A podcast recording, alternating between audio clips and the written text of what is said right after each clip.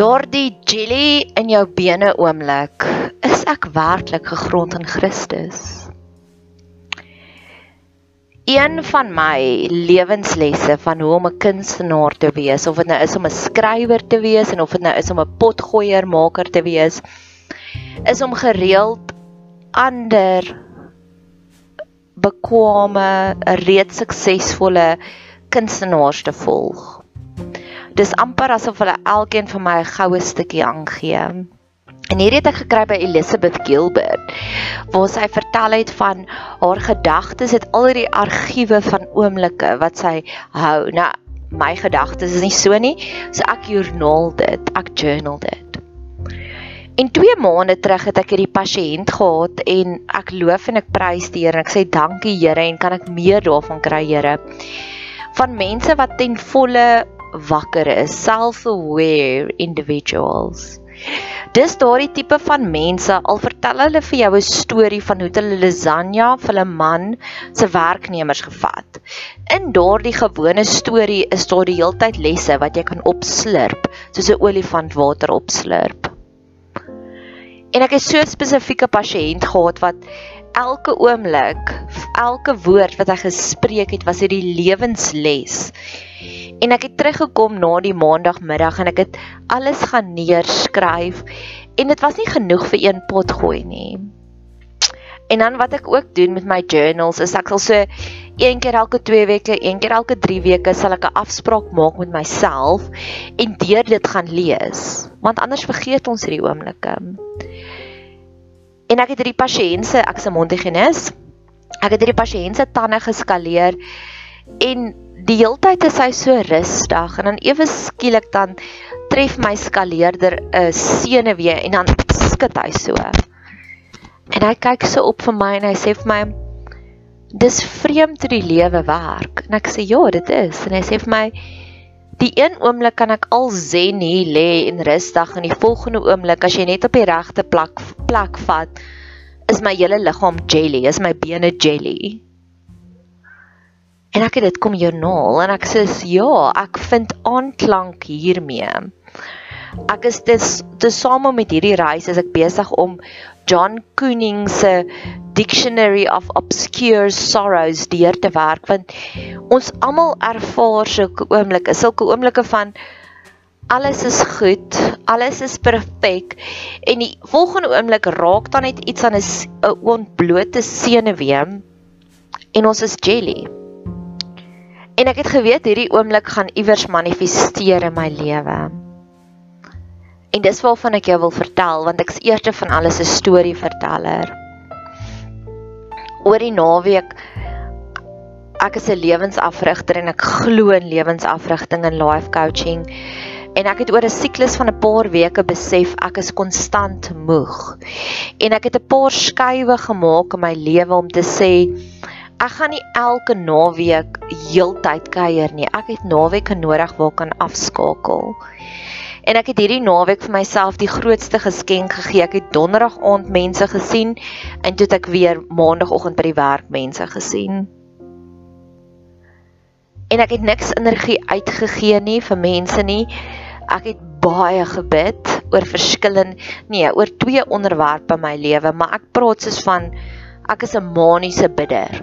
Daardie stukkie van die vurige gebed van 'n gelowige dra krag. Ek het verlede jaar hierdie tyd ontdek wat is vurige gebed. En daar is een aspek in my lewe wat ek verskriklik baie gebedsenergie ingefokus het. En weer eens dis hoekom ek hou van lewensafrigting want ek weet die oomblik as jy baie aandag fokus op iets, gaan daar weerstand kom. En ek het vir myself gesê, "Goed Nadia, wat gaan jy doen met hierdie weerstand?" En ek het reeds vir myself 'n coping mechanism geskryf. So ek was die pasiënt wat zen was, wat gemaklik was. Die lewe is pragtig. Daar's 'n liedjie van van Mary's Prayer wat hy begin met Everything is beautiful, being here is heavenly. En dit was my uitkyk. En twee keer het die duiwel aan 'n senuwee geraak en my bene was jelly. En ek besef hierdie oomblikke het 'n lewensles vir my daarin. Die een was so onskuldig. Ek kan dit nog steeds nie glo nie. Ek het saam met my vriendin vrywilligerikswerk gaan doen by 'n skool se biblioteek gister met die doel om ek wil my skrywersloopbaan regtig afskop. Dis ek vir ons geen beter plek as om 'n halwe dag te spandeer in 'n biblioteek omring met al hierdie boeke, laat al hierdie skrywers se energie afsmeer op my nie.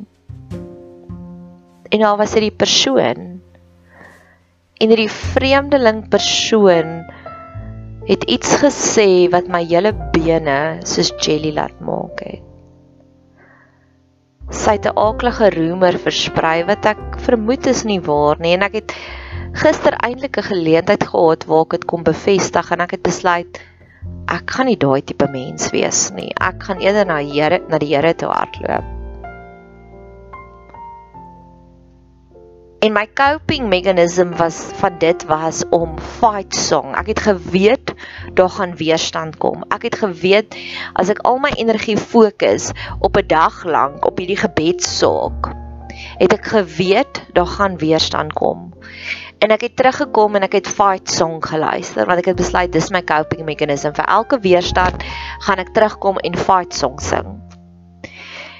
En ek het besluit om nie die gewone fight song te sing nie ek het besluit om Piano Guys se fight song te luister. In Piano Guys se fight song is 3 kwart fight song van Rachel Platten, maar die laaste kwart is Amazing Grace. En dit het amper vir my gevoel asof Jonare het nou 3 kwart ver gefight song. Maar nou gaan jy afeindig by Amazing Grace. En Amazing Grace se liedjie is wat gaan echo, echo oral steur. Dit gaan nie net ophou net na die liedjie nie. Amazing Grace gaan deur echo en dit was my coping mechanism. Die tweede keer waar my bene heeltemal soos jelly was, was Maandag. Daar is 'n persoon by my werk vir wie ek dalk moet bid, dalk net met bestudeer En ek het vir een van my vriendinne verduidelik, toe sê ek vir haar, weet jy dat Moses het 40 dae op die berg gespandeer. En die oomblik toe hy afkom, toe sien hy hoe die Israeliete die goue kalf aanbid en hy het homself heeltemal vervies. En ek sê vir haar, dit was my maandag. Ek was so zen en in my gebedsbabbel en uh, Mary spirit everything is beautiful. Being here is heavenly en iets het gekom en ek het gesnap.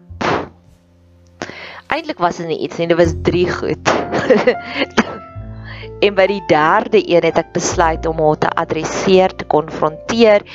En toe ek haar konfronteer, toe sy defenses op en toe toe ek dit heeltemal verloor. En weer eens, ek weet dis 'n tipe van weerstand, maar en ek weet die weerstand gaan kom, maar wat ek in hierdie gebed wil sê is ek besef as ek so reageer met ietsiekie sê dit vir my ek is nog nie gewortel en geanker in Christus nie en ek kan nie beheer wat die weerstand gaan wees nie maar ek kan beheer wat my reaksie is en ek's dankbaar na gister se biblioteek oomblik het ek wel opgetel daar is vordering want die tydperk wat ek gespin het daarna was baie kort. Waar gewoonlik sal ek vir dae lank loop en die gesprek herëvalueer. So ek ek sien die vordering en ek glo daaraan dat genesing gebeur stukkie vir stukkie. Dit gebeur nie eksponensieel nie, dit gebeur sporadies en ek wil ek wil myself amper pat on the back en sê Nadia baie geluk. Jy het toegelaat dat hierdie gesprek en dis nie 'n sarkastiese baie geluk nie. Het net 'n uur van jou lewe gesteel en nie word dit gewoonlik dae van my lewe steel nie. Die feit dat ek ver oggend kan verslag lewer hierop is al klaar 3 stappies vorentoe want om kreatief te wees beteken jy is emosioneel gesond.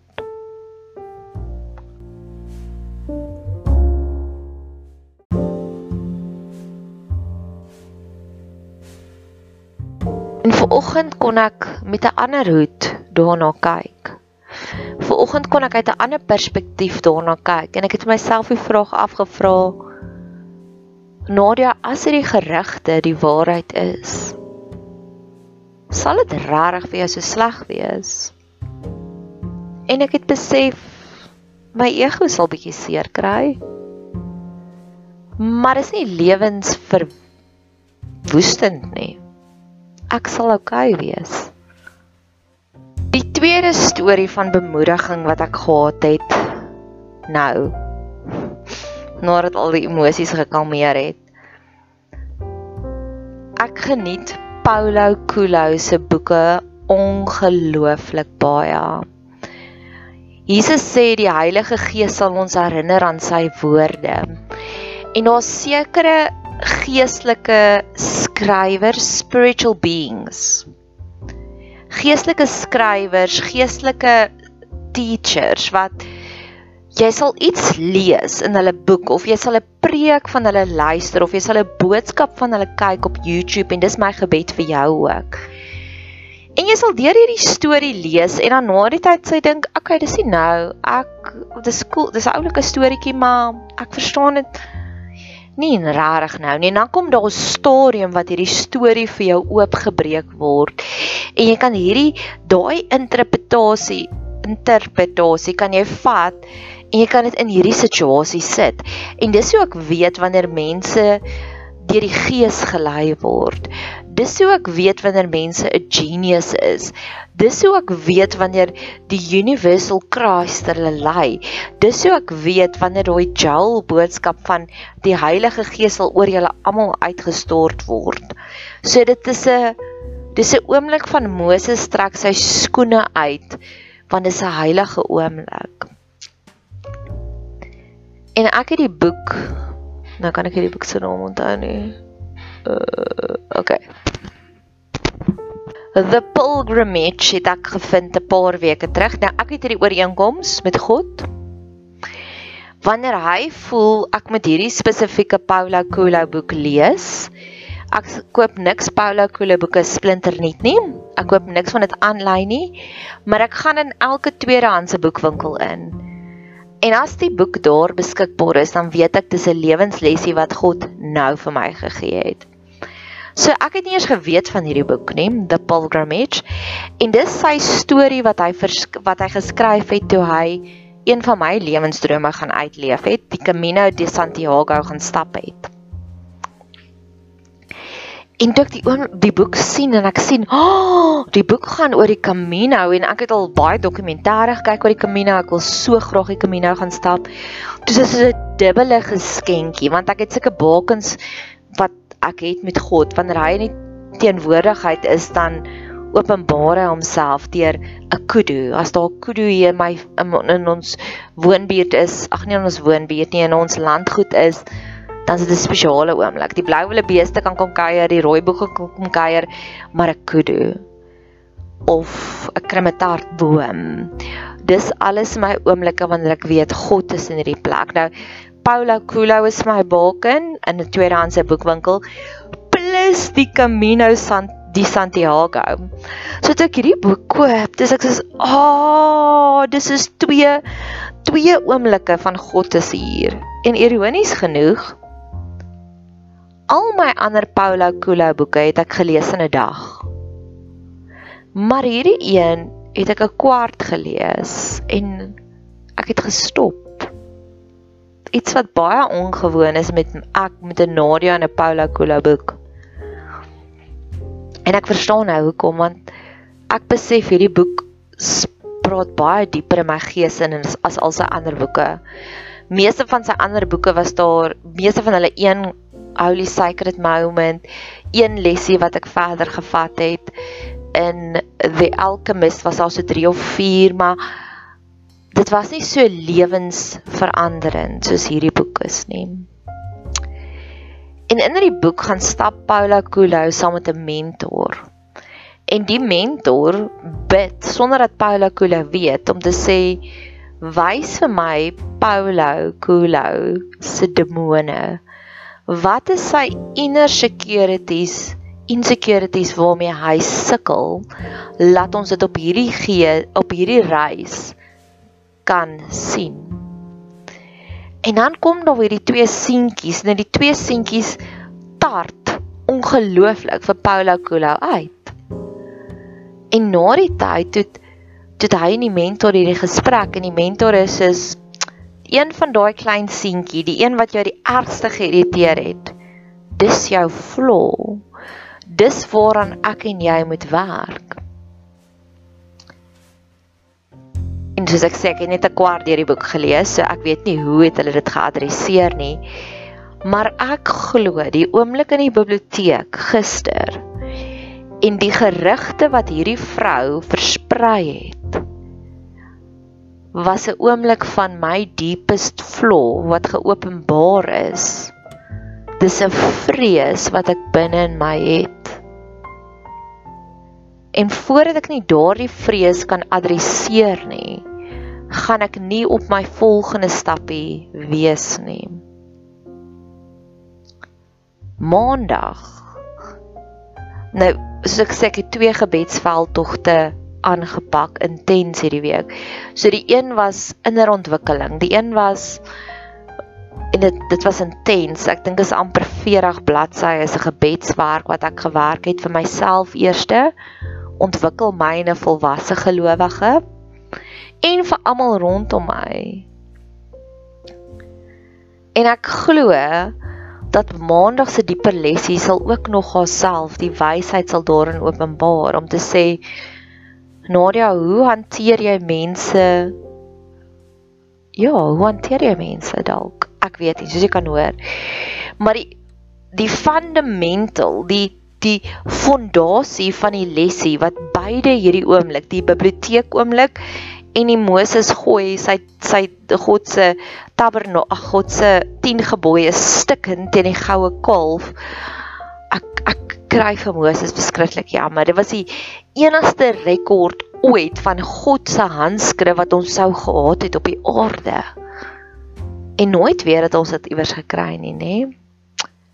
Ek meen, wat sou dit vandag werd gewees het, daai kliptafels wat God self geskryf het?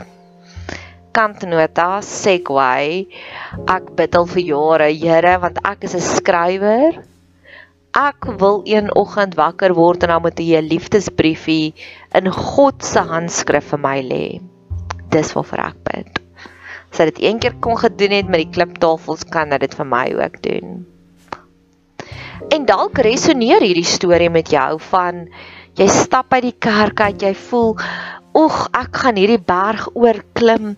Ek gaan dit regmaak. Ek is sterk.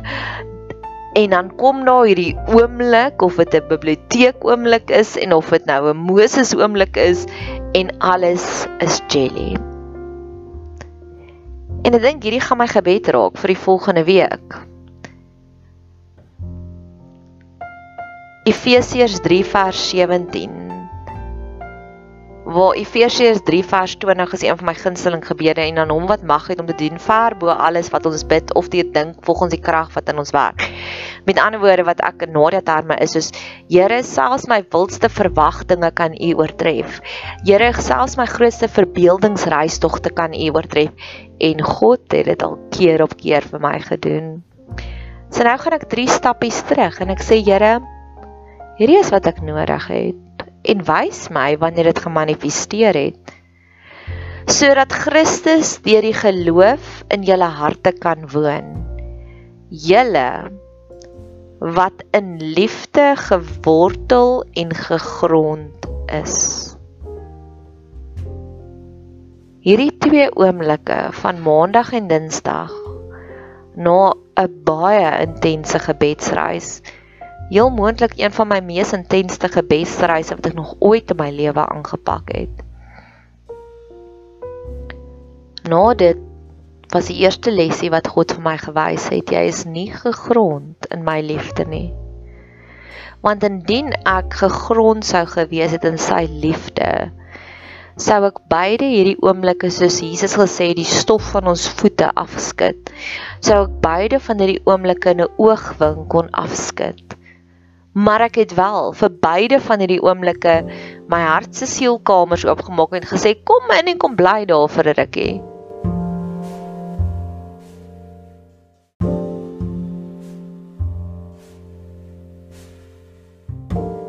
Ek het gesê kom in, kom bly in my hart se sielskamer. Los jou aaklige moeder modderige spore in my hart. Die modderige spore wat triggers en traumas is. En die volgende keer wanneer ek weet ek is so in Christus gewortel en geanker in sy liefde, weet ek as hy klop by die deur is, gaan ek sê nee, dankie, jy is nie welkom hier nie.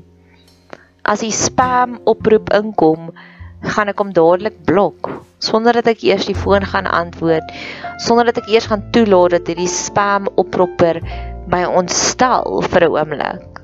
Ek's dankbaar dit was kort maar ek wil so gegrond en geanker wees in Christus se liefde. Laat ek soos my true caller onmiddellik die spam oproepe blok. Wil ek hê my hart moet onmiddellik hierdie spam oomblikke blok.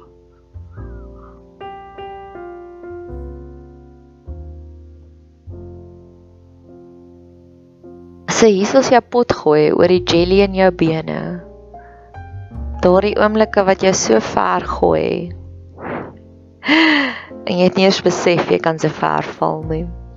Mag jy 'n geseënde reis hê verder.